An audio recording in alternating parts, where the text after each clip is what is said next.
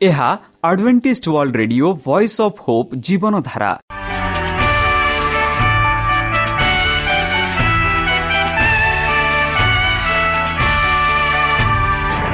Odia radio କାର୍ଯ୍ୟକ୍ରମ ଯାହା ଆମର ଆନ୍ତର୍ଜାତୀୟ ଆଘାତ କେନ୍ଦ୍ରରୁ ପ୍ରସାରଣ କରାଯାଉଛି ପ୍ରତିଦିନ ରାତି ନଅଟା ତିରିଶ ମିନିଟ୍ରେ। ମୁଁ ସୁବ୍ରତ କୁମାର ପତି ପ୍ରେମର ସହ ଆପଣମାନଙ୍କୁ ଏହି କାର୍ଯ୍ୟକ୍ରମକୁ ସ୍ୱାଗତ କରୁଅଛି। ଚାଲନ୍ତୁ ଆଜିର ତିରିଶ ମିନିଟ୍ର କାର୍ଯ୍ୟକ୍ରମ ବିଷୟରେ ଜାଣିନେବା। ପ୍ରଥମେ ରଖିଛୁ ଆଧ୍ୟାତ୍ମିକ ଭକ୍ତିମୟ ଗୀତ। ଏହାପରେ ଶୁଣିବା ସ୍ୱାସ୍ଥ୍ୟ ବିଷୟରେ ଯାହା ଆମର ଦୈନିକ ଜୀବନରେ ଅତ୍ୟନ୍ତ ଜରୁରୀ। ଆଉ ପରିଶେଷରେ ଶୁଣିବା ପରମେଶ୍ୱରଙ୍କ ଭକ୍ତଙ୍କଠାରୁ ଜୀବନଦାୟକ ଈଶ୍ୱରଙ୍କ ବାକ୍ୟ। ପ୍ରିୟ ଶ୍ରୋତା ତାହେଲେ ଚାଲନ୍ତୁ ଶୁଣିବା ଏକ ଆଧ୍ୟାତ୍ମିକ ଭକ୍ତିମୟ ଗୀତ।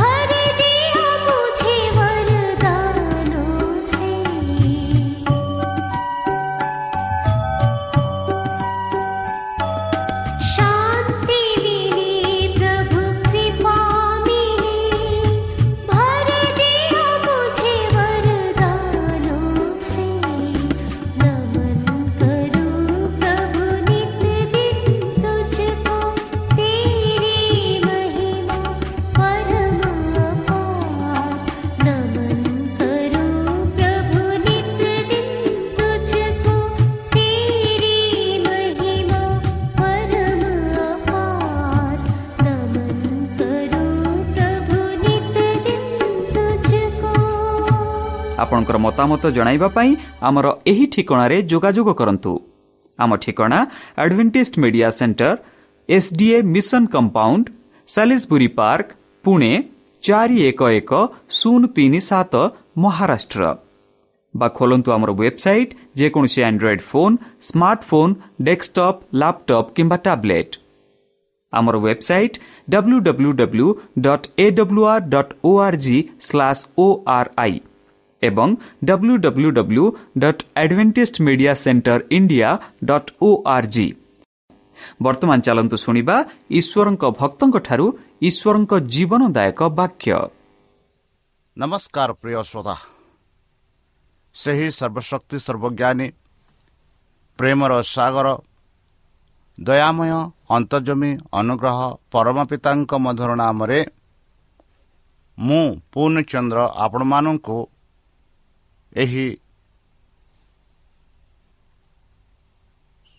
କାର୍ଯ୍ୟକ୍ରମରେ ସ୍ୱାଗତ କରୁଅଛି। ପ୍ରିୟସତା ସେହି ସର୍ବଶକ୍ତି ପରମେଶ୍ୱର ଆପଣଙ୍କୁ ଆଶୀର୍ବାଦ କରନ୍ତୁ। ଆପଣଙ୍କୁ ସମସ୍ତ ପ୍ରକାର ଦୁଃଖ କଷ୍ଟ ବାଧା କ୍ଲେଶ ଓ ରୋଗରୁ ଦୂରେଇ ରଖନ୍ତୁ। ଶତ୍ରୁ ସୟତାନ ହସ୍ତରୁ ସେ ଆପଣଙ୍କୁ ସୁରକ୍ଷାରେ ରଖନ୍ତୁ। ତାହାଙ୍କ ପ୍ରେମ ତାହାଙ୍କ ସ୍ନେହ ତାହାଙ୍କ କୃପା ତାହାଙ୍କ ଅନୁଗ୍ରହ ସଦାସର୍ବଦା ଆପଣଙ୍କଠାରେ ସହବର୍ତ୍ତୀ ରହୁ ପ୍ରିୟସତା ଚଳନ୍ତୁ ଆଜି ଆମ୍ଭେମାନେ କିଛି ସମୟ ପବିତ୍ର ଶାସ୍ତ୍ର ବାଇବଲଠୁ ତାହାଙ୍କ ଜୀବନଦାୟକ ବାକ୍ୟ ଧ୍ୟାନ କରିବା ଆଜିର ଆଲୋଚନା ହେଉଛି ବୁନାଳି ଏବଂ ମଞ୍ଜି ଯାହା ଆମେ ଇଂରାଜୀରେ କହୁଛୁ ଦ ସାୱର ସୋୱର ଆଣ୍ଡ ଦ ସିଡ୍ ବନ୍ଧୁ ଆମେ ଅଧିକାଂଶ ବୀଜକୁ ଭୂମିରେ ବୁଣିଥାଉ ଅଧିକାଂଶ ସମୟ ହୋଇପାରେ ଆମ ଜମିରେ ହୋଇପାରେ ଆମ ଘର ବଗିଚାରେ ଆମେ ବିହନ ଢାଲିଥାଉ ଆଉ ଏହି ବିହନ ବା ମଞ୍ଜି କିପରି ଉତ୍ପନ୍ନ ହୁଏ କିପରି ଫଳ ପ୍ରଦାନ କରେ ଏହା ନିର୍ଭର କଲେ କରେ ଯେ ଏହି ମଞ୍ଜି କେଉଁ ସ୍ଥାନରେ ରୂପା କରାଯାଇଛି ବା ବୁଣାଯାଇଛି ଆଉ ଏହି ବିଷୟରେ ଯୀଶୁଖ୍ରୀଷ୍ଟ ଏକ ଦୃଷ୍ଟାନ୍ତ ଦେଇଥିଲେ ତାହା ହେଉଛି ବୁଣାଳି ଏବଂ ମଞ୍ଜି। ବନ୍ଧୁ ଏହି ଦୃଶ୍ୟ ଦ୍ୱାରା ଈଶ୍ୱର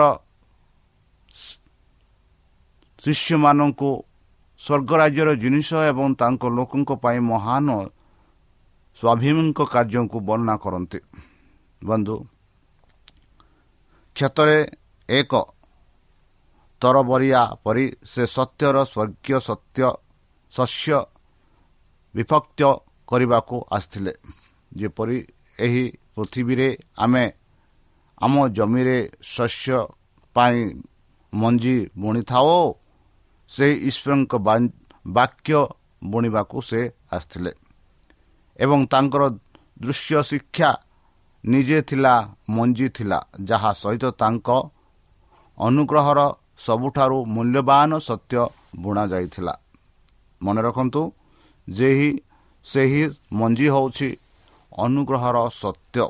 ଯେପରିକି ଏହି ପୃଥିବୀରେ ଯେତେ ଲୋକ ବାସ କରୁଛନ୍ତି ଯେତେ ଲୋକ ଈଶ୍ୱରଙ୍କ ବିରୁଦ୍ଧରେ ଯାଇଛନ୍ତି ସେମାନଙ୍କୁ ଅନୁଗ୍ରହର ମଞ୍ଜି ବୁଣିବା ପାଇଁ ଆସିଥିଲେ। ଏହାର ସରଳତା ହେଉତୁ ସେ ଏହି ଦୃଷ୍ଟାନ୍ତ ଦ୍ୱାରା ଆମମାନଙ୍କୁ ବୁଝାଉଛନ୍ତି। ବନ୍ଧୁ ମାଟିରେ କାଷ୍ଟ ହୋଇଥିବା ପ୍ରାକୃତିକ ମଞ୍ଜିଠାରୁ ଖ୍ରୀଷ୍ଟ ଆମ ମନକୁ ସୁସମାଚାର ମଞ୍ଜିକୁ ନେବାକୁ ଇଚ୍ଛା କରନ୍ତି ଯାହାର ବୁଣିବା ଦ୍ୱାରା ମଣିଷ ଈଶ୍ୱରଙ୍କ ପ୍ରତି ତାଙ୍କର ବିଶ୍ୱସ୍ତତାଙ୍କୁ ଫେରାଇ ଆଣିଥାଏ। ଯେ ଯିଏ କ୍ଷୁଦ୍ର ମଞ୍ଜିର ଦୁଷ୍ଟ ବା ଦୃଷ୍ଟାନ୍ତ ଦେଇଥିଲେ ସେ ହେଉଛନ୍ତି ସ୍ୱର୍ଗର ସର୍ବୋତ୍ତମ ଏବଂ ସମାନ ନିୟମ ଯାହା ପୃଥିବୀ ବିହନ ବୁଣିବାରେ ଶାସନ କରେ। ସତ୍ୟର ମଞ୍ଜି ବୁଣିବାରେ ଶାସନ କରେ ବନ୍ଧୁ। ଗାଲେଲି ସାଗରର ସୁଧା ଯୀଶୁଙ୍କୁ ଦେଖିବା ଏବଂ ଶୁଣିବା ପାଇଁ ବହୁ ସଂଖ୍ୟାରେ ଲୋକ ଏକତ୍ରିତ ହୋଇଥିଲେ। ଏକ ଉତ୍ସକ ଆକାଶମୀ ଭିଡ଼ ଥିଲା। ଅସୁସ୍ଥମାନେ ସେଠାରେ ଥିଲେ ଅନ୍ଧମାନେ ସେଠାରେ ଥିଲେ ରୋଗୀମାନେ ସେଠାରେ ଥିଲେ। ସେମାନଙ୍କ ସ୍ୱାସ୍ଥ୍ୟ ପାଇଁ ସେମାନେ ସେଠି ଥିଲେ। ବନ୍ଧୁ ସେମାନେ ସେହି ସାଗରର ପାଖରେ ଶୋଇଥିଲେ। ତାଙ୍କ ସମ୍ମୁଖରେ ସେମାନେ ଶୋଇଥିଲେ। ଏହିପରି ମାମଲା ଉପସ୍ଥାପନା କରିବାକୁ ଅପେକ୍ଷା କରିଥିଲେ ଯେପରି ଯୀଶୁଖ୍ରୀଷ୍ଟ ସେମାନଙ୍କୁ ତାଙ୍କ ହସ୍ତ ଦେଇ ସୁସ୍ଥ କରିବେ। ବନ୍ଧୁ ଏକ ପାପପୂର୍ଣ୍ଣ ଜାତିର ଦୁଃଖକୁ ଭଲ କରିବା ଖ୍ରୀଷ୍ଟଙ୍କ ଈଶ୍ୱରଙ୍କ ଅଧିକାର ଥିଲା। ଏବଂ ସେ ବର୍ତ୍ତମାନ ରୋଗକୁ ଭର୍ଜନା କରିଥିଲେ ଏବଂ ତାଙ୍କ ଜୀବନ ଏବଂ ଏବଂ ସ୍ୱାସ୍ଥ୍ୟ ଏବଂ ଶାନ୍ତି ଚାରିପାଖରେ ବିସ୍ତାର କରିଥିଲେ ଯେହେତୁ ଭିଡ଼ ବୃଦ୍ଧି ପାଇବାରେ ଲାଗିଲା ଲୋକମାନେ ଖ୍ରୀଷ୍ଟଙ୍କ ବିଷୟରେ ନିକଟତର ହୋଇଥିଲେ ଯେପର୍ଯ୍ୟନ୍ତ ସେମାନଙ୍କୁ ଗ୍ରହଣ କରିବାକୁ କୌଣସି ସ୍ଥାନ ନଥିଲା ତାପରେ ସେମାନଙ୍କର ମାଛ ଧରା ଡଙ୍ଗାରେ ଥିବା ପୁରୁଷମାନଙ୍କ ସହିତ ଏକ ବାକ୍ୟ କହି ସେ ତାଙ୍କୁ ହ୍ରଦ ପାର କରିବାକୁ ଅପେକ୍ଷା କରିଥିଲା କରିଥିବା ଡଙ୍ଗାରେ ପାଦ ଦେଲେ ଏବଂ ତାଙ୍କ ଶିଷ୍ୟମାନଙ୍କୁ ଜମିରୁ ଟିକିଏ ଠେଲି ବାକୁ ନିଲାମ କଲେ। ସେ କୂଳରେ ଥିବା ଜନତାଙ୍କ ସହ କଥା ହୋଇଥିଲେ। ସମୁଦ୍ର ପାଖରେ ଯାହାକି ଆମେ ଜନସରଥର ଏକ ସୁନ୍ଦର ସମତଳ ଥିଲା। ପାହାଡ଼ ବାହାରେ ଏକ ସୁନ୍ଦର ଦୃଶ୍ୟ ଏବଂ ପାହାଡ଼ ଏବଂ ସାଧା।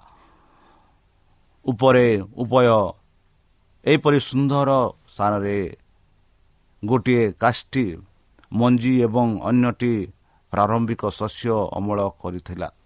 ଦୃଶ୍ୟକୁ ଦେଖି ଖ୍ରୀଷ୍ଟ କହୁଛନ୍ତି ଯଦି ବନ୍ଧୁ ଆମେ ଏଇ ଯେଉଁ ଜୁନ୍ ଜୁଲାଇ ଅଗଷ୍ଟ ସେପ୍ଟେମ୍ବର ମାସରେ ଯଦି କୌଣସି ଗାଁ ଦେଇ ଆମେ ଯାତ୍ରା କରୁ ସେତେବେଳେ ଆମେ ଦେଖୁ ସେଇ ଗାଁ ଚାରିପଟେ ସେହି ଦୃଶ୍ୟ ଯାହା ଆମେ ଦେଖୁ ସୁନ୍ଦର ଦୃଶ୍ୟ ଶସ୍ୟ ଚାରିପଟେ ଘେରି ଏକବାର ଗ୍ରୀନ୍ ଯାହାକି ଆମେ ଦେଖୁ ଏହିପରି ଶସ୍ୟ ସେହି ସମୟରେ ପ୍ରଭୁ ଯୀଶୁ ଦେଖି ଏହି ଦୃଷ୍ଟାନ୍ତ କହିଥିଲେ। ସେ ଦେଖ ସେ କହିଲେ ସେଇ ଯେଉଁ ବୁଣାଲି ବୁଣିବାକୁ ବାହାରକୁ ଗଲା ବୋଲି ସେ କହିଲେ ଏବଂ ସେ ବୁଣିବା ବେଳେ ସେ କହିଲେ କିଛି ମଞ୍ଜି ରାସ୍ତାରେ ପଡ଼ିଗଲା। ଏବଂ ପକ୍ଷୀମାନେ ଆସି ସେମାନଙ୍କୁ ଗ୍ରାସ କଲେ ବା ଖାଇଲେ ବା ତାକୁ ନେଲେ। କେତେକ ପଥର ସ୍ଥାନ ଉପରେ ପଡ଼ିଗଲେ। ଯେଉଁଠାରେ ସେମାନଙ୍କର ଅଧିକ ପୃଥିବୀ ନଥିଲା ବା ମାଠି ନଥିଲା ଏବଂ ଏହା ସହିତ ସେମାନେ ଉଠିଲେ କାରଣ ସେମାନଙ୍କ ମାଠି ଥିବାର କୌଣସି ଗଭୀରତା ନଥିଲା। ଏବଂ ଯେତେବେଳେ ସୂର୍ଯ୍ୟ ଉଠିଲା ସେମାନେ ଜଗିଗଲେ ଏବଂ ସେମାନଙ୍କୁ କୌଣସି ମୂଳ ନଥିବାରୁ ସେମାନେ ଦୂରେଇ ଗଲେ ବା ମରଣ ହେଲେ। ଏବଂ କେତେକ କଣ୍ଟା ମଧ୍ୟରେ ପଡ଼ିଗଲେ ଏବଂ କଣ୍ଟା ଗୁଡ଼ିକ ଉଠି ସେମାନଙ୍କୁ ଚାପି ଦେଲା କିନ୍ତୁ ଅନ୍ୟମାନେ ଭଲ ଭୂମିରେ ପଡ଼ିଲେ ଏବଂ ଭଲ ଆଣିଲେ ପ୍ରାୟ ଶହେ ଗୁଣ ପ୍ରାୟ ଷାଠିଏ ଗୁଣ ପ୍ରାୟ ତିରିଶ ଗୁଣ ଆଣିଲେ ବୋଲି ଏହି ଦୃଷ୍ଟାନ୍ତ ଯୀଶୁଖ୍ରୀଷ୍ଟ କହିଥିଲେ ଆପଣା ଶିଷ୍ୟମାନଙ୍କୁ। ଖ୍ରୀଷ୍ଟଙ୍କ ମିଶନ ତାଙ୍କ ସମୟର ଲୋକମାନେ ଏହି ଦୃଷ୍ଟାନ୍ତ ବୁଝିପାରିଲେ ବୁଝିପାରିନଥିଲେ ତାଙ୍କର ଆସିବାର ଶୈଳୀ ସେମାନଙ୍କ ଆଶା ନୁଆଇ ନଥିଲା ପ୍ରଭୁ ଯୀଶୁ ସମଗ୍ର ଇହୁଦୀ ଅର୍ଥନୀତିର ମୂଳଦୁଆ ଥିଲେ। ଏହାର ଆକର୍ଷଣୀୟ ସେବାଗୁଡ଼ିକ ଈଶ୍ୱରୀୟ ନିଯୁକ୍ତିତ ଥିଲା। ସେମାନଙ୍କୁ ଲୋକଙ୍କୁ ଶିକ୍ଷା ଦେବା ପାଇଁ ପରିକଳ୍ପନା କରାଯାଇଥିଲା ଯେ ସେହି ସମୟରେ ନିଯୁକ୍ତ ହୋଇଥିବା ଜଣେ ସେହି ସମାରୋହକୁ ଆସିବେ। କିନ୍ତୁ ଇହୁଦୀମାନେ ରୂପ ଏବଂ ସମାରୋହକୁ ଉଚ୍ଚାରଣ କରିଥିଲେ ଏବଂ ସେମାନଙ୍କ ବସ୍ତୁକୁ ହରାଇଥିଲେ। ବନ୍ଧୁ ପୁରୁଷମାନଙ୍କର ପରମ୍ପରା ସର୍ବାଧିକ ଏବଂ ପ୍ରଣୟ ସେମାନଙ୍କଠାରୁ ଲୁଚି ରହିଗଲା ଯାହା ଈଶ୍ୱରଙ୍କ ଜଣାଇବାକୁ ଚାହୁଁଥିଲା। ଏହି ସମୟରେ ଏବଂ ପରମ୍ପରା ଗୁଡ଼ିକ ପ୍ରକୃତ ଧର୍ମରେ ବୁଝାମଣା ଏବଂ ଅଭ୍ୟାସରେ ଏକ ପ୍ରତିବନ୍ଧକ ହୋଇଗଲା। ଏବଂ ଯେତେବେଳେ ବାସ୍ତବତା ଆସିଲା ବନ୍ଧୁ ଖ୍ରୀଷ୍ଟଙ୍କ ବ୍ୟକ୍ତିରେ ସେମାନେ ତାଙ୍କ ମଧ୍ୟରେ ସେମାନଙ୍କ ସମସ୍ତ ପ୍ରକାରର ସମ୍ପୂର୍ଣ୍ଣତା ପୂର୍ଣ୍ଣତା ସେମାନଙ୍କ ସମସ୍ତ ଛାଇର ପଦାର୍ଥ ଚିହ୍ନ ପାଇଲେ ନାହିଁ। ସେମାନେ ଆଣ୍ଟିଲୋପକୁ ପ୍ରକ୍ଷାଖନ କଲେ ଏବଂ ସେମାନଙ୍କର ପ୍ରକାର ଏବଂ ଆଦରକାରୀ ସମାରୋହରେ ଲାଗି ରହିଲେ। ବନ୍ଧୁ ଈଶ୍ୱରଙ୍କ ପୁଅ ଆସିଥିଲେ ସେହି ଯୀଶୁଖ୍ରୀଷ୍ଟ ଏହି ପୃଥିବୀକୁ ଆସିଲେ। କିନ୍ତୁ ସେମାନେ ତାହାଙ୍କୁ ଚିହ୍ନିଲେ ନାହିଁ ବରଂ ସେମାନେ ମାରିବାକୁ ଜାରି ରଖିଥିଲେ। ବାର୍ତ୍ତା ଅନୁତାପ କର ବୋଲି ସ୍ୱର୍ଗୀୟ ରାଜ୍ୟ ତା ହାତରେ ଅଛି ବୋଲି ସେମାନଙ୍କୁ ଏକ ଚମତ୍କାର ଦାବି ଦ୍ୱାରା ଉତ୍ତର ଦେଇଛନ୍ତି। ପଢ଼ନ୍ତୁ ମାଥ୍ୟୁ ଦୁଇ ମାଥ୍ୟୁ ତିନି ଦୁଇରେ ଆମେ ଏହିପରି ପାଉଅଛୁ। ବନ୍ଧୁ ଖ୍ରୀଷ୍ଟଙ୍କ ସୁସମାଚାର ସେମାନଙ୍କ ପାଇଁ ଏକ ଅବରୋଧ ଥିଲା କାରଣ ସେମାନେ ତ୍ରାଣକର୍ତ୍ତା ପରିବର୍ତ୍ତେ ସଂକେତ ଦାବି କରିଥିଲେ। ସେମାନେ ଆଶା କରିଥିଲେ ଯେ ମସିହା ବିଜୟର ଶକ୍ତିଶାଳୀ କାର୍ଯ୍ୟ ଦ୍ୱାରା ତାଙ୍କର ଦାବି ପ୍ରମାଣ କରିବେ। ପୃଥିବୀ ରାଜ୍ୟର ସ୍ୱାଧ ବଂଶରେ ତାଙ୍କ ସମାଜ ସାମ୍ରାଜ୍ୟ ପ୍ରତିଷ୍ଠା କରିବେ। ଏହି ଆଶା ଖ୍ରୀଷ୍ଟ ସେହି ବୁଣାର ଦୃଷ୍ଟାନ୍ତରେ ଉତ୍ତର ଦେଲେ ବନ୍ଧୁ। ଅସ୍ତ୍ରଶସ୍ତ୍ର ବଳରେ ନୁହେଁ ହିଂସାତ୍ମକ ଅନ୍ତସ୍ପିତ ଦ୍ୱାରା ନୁହେଁ। ଈଶ୍ୱରଙ୍କ ରାଜକୀୟ ରାଜ୍ୟ ଥିଲା ବରଂ ପୁରୁଷମାନଙ୍କ ହୃଦୟରେ ଏକ ନୂତନ ନୀତି ପ୍ରତିରୂପଣ ଦ୍ୱାରା। ସେ ଭଲ ମଞ୍ଜିକୁ ଆଚର୍ଯ୍ୟ କରନ୍ତି। ସେ ହେଉଛନ୍ତି ମଣିଷର ପୁଅ ଯାହା ଆମେ ମାଥ୍ୟୁ ତେର ସଇଁତିରିଶରେ ପାଉଅଛୁ। ଖ୍ରୀଷ୍ଟ ରାଜା ଭାବରେ ନୁହେଁ ବରଂ ଜଣେ ପ୍ରବଚନା ଭାବରେ ଆସିଥିଲେ।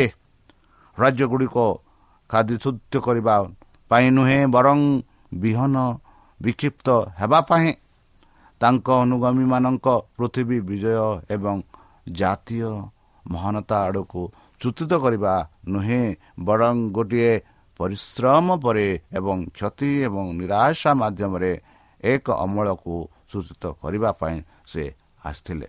ବନ୍ଧୁ ଖ୍ରୀଷ୍ଟଙ୍କ ସମୟରେ ଫରେସିସ୍ ଖ୍ରୀଷ୍ଟଙ୍କ ଦୃଶ୍ୟକୁ ଅର୍ଥ ଅନୁଭବ କଲେ। କିନ୍ତୁ ସେମାନଙ୍କ ପାଇଁ ଏହାର ଶିକ୍ଷା ଅବାଞ୍ଚିତ ଥିଲା। ସେମାନେ ଏହାକୁ ବୁଝିବା ପାଇଁ ପ୍ରଭାବିତ ହୋଇନଥିଲେ। ନୂତନ ଶିକ୍ଷାଙ୍କ ଉଦ୍ଦେଶ୍ୟରେ ଏହା ଅଧିକ ରହସ୍ୟରେ ଜଡ଼ିତ ଜନତାଙ୍କ ପାଇଁ ଯାହାର ବାକ୍ୟ ଏତେ ଅଭୂତ ଭାବରେ ସେମାନଙ୍କ ହୃଦୟକୁ ଘୁଞ୍ଚାଇ ଦେଇଥିଲା ଏବଂ ସେମାନଙ୍କ ଅଭିଳାଷକୁ ଏତେ ତୀବ୍ର ନିରାଶ କରିଥିଲା ଶିଷ୍ୟମାନେ ନିଜେ ଦୃଷ୍ଟି ବୁଝିପାରିନଥିଲେ ଦୃଷ୍ଟାନ୍ତ ବୁଝି ନ ପାରୁଥିଲେ କିନ୍ତୁ ସେମାନଙ୍କର ଆଗ୍ରହ ଜାଗ୍ରତ ହୋଇଥିଲା ସେମାନେ ବ୍ୟକ୍ତିଗତ ଭାବରେ ଯୀଶୁଙ୍କ ନିକଟକୁ ଆସି ସୃଷ୍ଟିକରଣ ମାଗିଥିଲେ ବନ୍ଧୁ ଏହା ହେଉଛି ଇଚ୍ଛା ଯାହା କୃଷ୍ଟ ଜାଗ୍ରତ କରିବାକୁ ଚାହୁଁଥିଲେ ଯେ ସେ ସେମାନଙ୍କୁ ଅଧିକ ନିର୍ଦ୍ଦିଷ୍ଟ ନିର୍ଦ୍ଦେଶ ଦେଇପାରନ୍ତି ସେମାନଙ୍କୁ ଦୃଶ୍ୟ ବାକ୍ୟ କରିଥିଲେ କାରଣ ସେ ତାଙ୍କ ହୃଦୟର ଆନ୍ତରିକ ଆନ୍ତରିକତାରେ ଖୋଜୁଥିବା ସମସ୍ତଙ୍କୁ ତାଙ୍କର ବାକ୍ୟ ସ୍ପଷ୍ଟ କରିବେ ବୋଲି ଆମେ ପାଉଅଛୁ। ଯେପରି ଶିଷ୍ୟମାନେ ତାଙ୍କ ଆନ୍ତରିକରେ ସେମାନେ ଖ୍ରୀଷ୍ଟଙ୍କୁ ପଚାରିଲେ ଆଉ ଖ୍ରୀଷ୍ଟ ସେମାନଙ୍କୁ ବୁଝାଇଲେ। ଯେଉଁମାନେ ପବିତ୍ର ଆତ୍ମର ଜ୍ଞାନ ପାଇଁ ହୃଦୟ ଖୋଲୁଥିବା ଖୋଲା ଥିବା ଈଶ୍ୱରଙ୍କ ବାକ୍ୟ ଅଧ୍ୟୟନ କରନ୍ତି ସେମାନେ ବାକ୍ୟର ଅର୍ଥ ବିଷୟରେ ଅନ୍ଧକାରରେ କେବେ ହେଲେ ରହିବେ ନାହିଁ ବନ୍ଧୁ। ଖ୍ରୀଷ୍ଟ କହିଛନ୍ତି ଯଦି କୌଣସି ବ୍ୟକ୍ତି ତାଙ୍କ ଇଚ୍ଛା କରିବାକୁ ଇଚ୍ଛା କରନ୍ତି ତେବେ ସେ ଶିକ୍ଷାଦାନ ବିଷୟରେ ଜାଣିବେ ଯେ ସେ ଈଶ୍ୱରଙ୍କ କଥା ହୁଅନ୍ତୁ କିମ୍ବା ମୁଁ ନିଜଠାରୁ କହୁଛି କି ନାହିଁ। ଏହିପରି ଆମେ ଜହନ ସାତ ସତ୍ରରେ ଖ୍ରୀଷ୍ଟ କହିଛନ୍ତି ବୋଲି ଆମେ ଦେଖୁଅଛୁ। ବନ୍ଧୁ ସତ୍ୟ ବିଷୟରେ ଏକ ସ୍ପଷ୍ଟ ଜ୍ଞାନ ପାଇଁ ଖ୍ରୀଷ୍ଟଙ୍କ ନିକଟକୁ ଆସୁଥିବା ସମସ୍ତେ ଏହାକୁ ଗ୍ରହଣ କରିବେ। ସେ ସେମାନଙ୍କ ସହିତ ସ୍ୱର୍ଗ ରାଜ୍ୟର ରହସ୍ୟ ଉନ୍ନତ କରିବେ ଏବଂ ଏହି ରହସ୍ୟ ଗୁଡ଼ିକ ହୃଦୟ ଦ୍ୱାରା ବୁଝାଯିବ ଯାହା ସତ୍ୟ ଜାଣିବାକୁ ଇଚ୍ଛା କରେ ଏକ ସ୍ୱର୍ଗୀୟ ଆଲୋକ ଆତ୍ମା ମନ୍ଦିରରେ ଉଜ୍ଜଳ ହେବ ଏବଂ ଅନ୍ୟମାନଙ୍କୁ ଏକ ଅନ୍ଧକାର ପଥରେ ଦ୍ୱୀପର ଉଜ୍ଜଳ ଚମକ ଭାବରେ ପ୍ରକାଶ ପାଇବ। ବନ୍ଧୁ ସେହି ବୁଣାଣି ବୁଣିବାକୁ ବାହାରି ଗଲା। ଏହିପରି ଆମେ ଦେଖୁଛୁ ଯାହା ଯୀଶୁଖ୍ରୀଷ୍ଟ ପ୍ରାରମ୍ଭ କରିଥିଲେ। ପୂର୍ବରେ ବ୍ୟାପାରତ ସ୍ଥିତି ଏତେ ଅସ୍ଥିର ଥିଲା ଏବଂ ହିଂସାରୁ ଏତେ ବଡ଼ ବିପଦ ଥିଲା ଯେ ଲୋକମାନେ ମୁଖ୍ୟତଃ ପ୍ରାଚୀର ସହରରେ ବାସ କରୁଥିଲେ ଏବଂ ସ୍ୱାମୀମାନେ କାନ୍ଥ ବାହାରେ ସେମାନଙ୍କ ପରିଶ୍ରମକୁ ଦୈନିକ ଯାଉଥିଲେ ଏହା ଆଜିକାଲି ମଧ୍ୟ ଆମେ ଦେଖୁ ଆମ ଗାଁ ଗହଳିରେ। ତେଣୁ ଖ୍ରୀଷ୍ଟ ସ୍ୱର୍ଗୀୟ ସେହି ବୁଣାଣୀକୁ ବାହାରକୁ ଗଲେ ବୋଲି ସେ କହନ୍ତି। ସେ ତାଙ୍କ ସୁରକ୍ଷା ଏବଂ ଶାନ୍ତିର ଘର ଛାଡ଼ିଦେଲେ ଦୁନିଆ ପୂର୍ବରୁ ପିତାଙ୍କ ସହିତ ଥିବା ଗୌରବ ଛାଡ଼ି ବ୍ରହ୍ମାଣ୍ଡ ସିଂହାସନ ଉପରେ ନିଜର ସ୍ଥିତି ଛାଡ଼ିଦେଲେ ସେ ବାହାରକୁ ଗଲେ ସେହି ଯୀଶୁଖ୍ରୀଷ୍ଟ। ଜଣେ ଯନ୍ତ୍ରଣା ପ୍ରଲୋଭିତ ମନୁଷ୍ୟ ଏକାନ୍ତରେ ଚାଲିଗଲେ ଲୁହରେ ବୁଣିବାକୁ ତାଙ୍କ ରକ୍ତରେ ପାଣିକୁ ଗଲେ। ଏକ ଦୁନିଆ ପାଇଁ ଜୀବନର ମଞ୍ଜି ହଜିଗଲା। ବନ୍ଧୁ ତାଙ୍କ ସେମାନଙ୍କ ସମାନ ଢଙ୍ଗରେ ବୁଣିବା ପାଇଁ ଆଗକୁ ଯିବା ଆବଶ୍ୟକ। ଯେତେବେଳେ ସତ୍ୟର ମଞ୍ଜିର ଏକ ତରବିଆ ହେବାକୁ ଡକାଗଲା ଅବ୍ରାହ୍ମକୁ ନିଷେଧ କରାଯାଇଥିଲା। ତୁମ୍ଭ ଦେଶରୁ ଏବଂ ତୁମର ଆତ୍ମୀୟ ଦେଶରୁ ଏବଂ ତୁମର ପିତାଙ୍କ ଘରୁ ଏବଂ ଏକ ଭୂମିକୁ ଯାଅ ମୁଁ ତୁମକୁ ଦେଖାଇବି ବୋଲି ଆମେ ପାଉଅଛୁ। ଆଦି ପୁସ୍ତକ ବାର ଏକରେ। ବନ୍ଧୁ ଏବଂ ସେ ବାହାରକୁ ଗଲେ ବନ୍ଧୁ ଈଶ୍ୱରଙ୍କ ବାକ୍ୟ ମାଣିଲେ ଯେ ଯାହା ଥିଲା ବୋଲି ଜାଣି ନଥିଲେ। ଦେଖନ୍ତୁ ଏଭ୍ରି ଏଗାର ଆଠରେ ଆମେ ଦେଖୁଛୁ ଏହିପରି ପାଉଲ ଲେଖନ୍ତି ତେଣୁ ଜେରୁସାଲାମରେ ମନ୍ଦିରରେ ପ୍ରାର୍ଥନା କରୁଥିଲା ଥିବା ପ୍ରେରିତ ପାଉଲଙ୍କ ଈଶ୍ୱରଙ୍କ ବାର୍ତ୍ତା ଆସିଲା ବିଦାୟ ଦିଅ କାରଣ ମୁଁ ତୁମକୁ ଏପର୍ଯ୍ୟନ୍ତ ବିଜାତିକୁ ପଠାଇବି ବୋଲି କାର୍ଯ୍ୟ କରିବ ବୋଲି ସେ କହିଥିଲେ। ଦେଖନ୍ତୁ ପ୍ରେରିତ ବାଇଶ ଏକୋଇଶରେ ଏହିପରି ଆମେ ପାଉଅଛ। ତେଣୁ ବନ୍ଧୁ ଯେଉଁମାନଙ୍କୁ କୃଷ୍ଣଙ୍କ ସହ ଏକ ଜୁଟ ହେବାକୁ କୁହାଯାଏ ସେମାନଙ୍କୁ ଅନୁସରଣ କରିବା ପାଇଁ ସମସ୍ତଙ୍କୁ ଛାଡ଼ିବାକୁ ପଡ଼ିବ। ପୁରୁଣା ସଂଗଠନ ଗୁଡ଼ିକ ଭାଙ୍ଗିବା ଆବଶ୍ୟକ। ଜୀବନର ଯୋଜନା ତ୍ୟାଗ ପୃଥିବୀ ଆଶା ଆତ୍ମସମର୍ପଣ ପରିଶ୍ରମ ଏବଂ ଲୁହରେ ଏକାନ୍ତରେ ଏବଂ ବଳିଦାନ ମାଧ୍ୟମରେ ବିହନ ବୁଣିବା ଆବଶ୍ୟକ। ଶବ୍ଦଟି ବାକ୍ୟଟି ଆଚର୍ଯ୍ୟ କରେ। ଖ୍ରୀଷ୍ଟ ସତ୍ୟ ସହିତ ଦୁନିଆ ବୁଣିବାକୁ ଆସିଥିଲେ ବନ୍ଧୁ। ମନୁଷ୍ୟର ପତନ ପରଠାରୁ ଶୟତାନ ତ୍ରୁଟିର ମଞ୍ଜି ବୁଣୁଛି। ଏହା ଏକ ମିଥ୍ୟା ଦ୍ୱାରା ସେ ସେ ପ୍ରଥମେ ପୁରୁଷମାନଙ୍କ ଉପରେ ନିୟନ୍ତ୍ରଣ ହାସଲ କରିଥିଲେ ଏବଂ ଏହିପରି ସେ ତଥାପି ପୃଥିବୀରେ ଈଶ୍ୱରଙ୍କ ରାଜ୍ୟକୁ ଗାଦିତୃତ୍ୟ କରିବା ଏବଂ ପୁରୁଷମାନଙ୍କୁ ତାଙ୍କ ଶକ୍ତି ଅଧୀନରେ ଆଣିବା ପାଇଁ କାର୍ଯ୍ୟ କରୁଛନ୍ତି। ବନ୍ଧୁ ଏକ ଉଚ୍ଚ ଦୁନିଆରୁ ଜଣେ ସେହି ବୁଣାରେ ଖ୍ରୀଷ୍ଟ ସତ୍ୟର ମଞ୍ଜି ବୁଣିବାକୁ ଆସିଥିଲେ। ସେ ଯିଏ ଈଶ୍ୱରଙ୍କ ପରିଷଦରେ ଠିଆ ହୋଇଥିଲେ ଯିଏ ଅନନ୍ତର ମନ୍ଦିରରେ ସେହି ମନ୍ଦିରରେ ବାସ କରୁଥିଲେ ପୁରୁଷମାନଙ୍କ ପାଇଁ ସତ୍ୟର ଶୁଦ୍ଧ ନୀତି ଆଣିବା ପାଇଁ ସେ ଏହି ପୃଥିବୀକୁ ଆସିଥିଲେ। ମନୁଷ୍ୟର ପତନ ପରଠାରୁ ଖ୍ରୀଷ୍ଟ ଦୁନିଆ ପାଇଁ ପ୍ରତ୍ୟର ପ୍ରକାଶର ଥିଲେ ବନ୍ଧୁ ତାଙ୍କ ଦ୍ୱାରା ଅବିସ୍ମରଣୀୟ ମଞ୍ଜି ଈଶ୍ୱରଙ୍କ ବାକ୍ୟ ଯାହା ସବୁଦିନ ପାଇଁ ଜୀବନ୍ତ ଏବଂ ପାଳନ କରେ। ପୁରୁଷମାନଙ୍କୁ ଯୋଗାଯୋଗ କରାଏ। ବନ୍ଧୁ ଯେପରି ଆମେ ବର୍ତ୍ତମାନ ଦେଖୁଛୁ ବନ୍ଧୁ ସେହି ଯୀଶୁଖ୍ରୀଷ୍ଟ ସେହି ମଞ୍ଜି ଏହି ପୃଥିବୀକୁ ଆସିଲେ। ଯେପରି ସେହି ମଞ୍ଜି ଦ୍ୱାରା ତାହାଙ୍କ ବାକ୍ୟ ଦ୍ୱାରା ଆମେ ଜୀବନ ଲାଭ କରିପାରିବା। ପ୍ରତ୍ୟେକ ମଞ୍ଜିର ନିଜ ଏକ ଗଜା ନୀତି ଅଛି। ଏଥିରେ ଉଭିର୍ଦ୍ଧର ଜୀବନ ଆବଦ୍ଧ। ତେଣୁ ଈଶ୍ୱରଙ୍କ ବାକ୍ୟର ଜୀବନ୍ତ ଜୀବନ ଅଛି ବନ୍ଧୁ। ଖ୍ରୀଷ୍ଟ କହନ୍ତି ମୁଁ ତୁମ ସହିତ ଯେଉଁ ବାକ୍ୟ କହୁଛି ସେମାନେ ଆତ୍ମା ଏବଂ ସେମାନେ ଜୀବନ ଏହିପରି ଜହନ ଛଅ ଏକତିରିଶ ଆମେ ପାଉଛୁ। ଜହନ ପାଞ୍ଚ ଚବିଶରେ ଯୀଶୁ ଖ୍ରୀଷ୍ଟ କହିଲେ କି ମୋର ବାକ୍ୟ ସହ ସାହସ କରନ୍ତି ଏବଂ ତାଙ୍କ ଉପରେ ବିଶ୍ୱାସ କରନ୍ତି ଯାହା ମୋତେ ପଠାଇଛନ୍ତି। ତାଙ୍କ ଉପରେ ତୁମେ ବିଶ୍ୱାସ କର ବୋଲି ଯୀଶୁ ଖ୍ରୀଷ୍ଟ ଜହନ ପାଞ୍ଚ ଚବିଶରେ କହୁଛନ୍ତି। ବନ୍ଧୁ ପ୍ରତ୍ୟେକ ନିର୍ଦ୍ଦେଶରେ ଏବଂ ଈଶ୍ୱରଙ୍କ ବାକ୍ୟର ପ୍ରତ୍ୟେକ ପ୍ରତିଜ୍ଞାରେ ହେଉଛି ଈଶ୍ୱରଙ୍କ ଶକ୍ତି ଈଶ୍ୱରଙ୍କ ଜୀବନ ଯାହାଦ୍ୱାରା ଆଦେଶ ପୂରଣ ହୋଇପାରେ ଏବଂ ପ୍ରତିଜ୍ଞା ହୃଦୟମଙ୍ଗ ହୋଇପାରେ। ସେ ଯିଏ ବିଶ୍ୱାସ ଦ୍ୱାରା ବାକ୍ୟ ଗ୍ରହଣ କରନ୍ତି ଈଶ୍ୱରଙ୍କ ଜୀବନ ଏବଂ ଚରିତ୍ର ଗ୍ରହଣ କରନ୍ତି ନିଶ୍ଚିତ ଭାବରେ ମଞ୍ଜି ଯେପରି ସେହି ମାଠିରୁ ବଢ଼େ। ସେହି ବାକ୍ୟ ଦ୍ୱାରା ଯଦି ସେହି ବାକ୍ୟକୁ ଆମେ ଗ୍ରହଣ କରୁ ତାଙ୍କ ବାକ୍ୟ ଦ୍ୱାରା ପ୍ରତିଦିନେ ଆମେ ସେହି ମଞ୍ଜି ପରି ଆଗକୁ ବଢ଼ିଥାଉ। ଆଉ ଯେପରି ଆମେ ଦେଖୁ ସେ ଦୃଶ୍ୟରେ ଅନେକ ପ୍ରକାର। ବନ୍ଧୁ ଆମେ କେଉଁ ମାଟିରେ ପଡ଼ୁଅଛୁ? କେଉଁ କଥାରେ ପଡ଼ୁଅଛୁ ତାହା ଆମମାନଙ୍କୁ ନିଜକୁ ନିର୍ଣ୍ଣୟ ନେବାକୁ ପଡ଼ିବ। ଇସ୍ରାଏଲମାନଙ୍କୁ ପରମେଶ୍ୱର ବାଛିଥିଲେ। ସେମାନେ ଈଶ୍ୱରଙ୍କ ମଞ୍ଜିକୁ ବୁଣିବେ ତାଙ୍କ ବାକ୍ୟ ଏହି ପୃଥିବୀରେ ବୁଣିବେ ମାତ୍ର ସେମାନେ ବିଫଳ ହୋଇଥିଲେ। ବର୍ତ୍ତମାନ ପରମେଶ୍ୱର ଆପଣଙ୍କୁ ବାଛୁଛନ୍ତି ପରମେଶ୍ୱର ଆପଣଙ୍କୁ ଆହ୍ୱାନ କରୁଛନ୍ତି ପରମେଶ୍ୱର ତାହାଙ୍କ ବିୟନ ଆପଣଙ୍କୁ ଦେଇଛନ୍ତି ସେହି ପବିତ୍ର ଶାସ୍ତ୍ର ଦେଇଛନ୍ତି।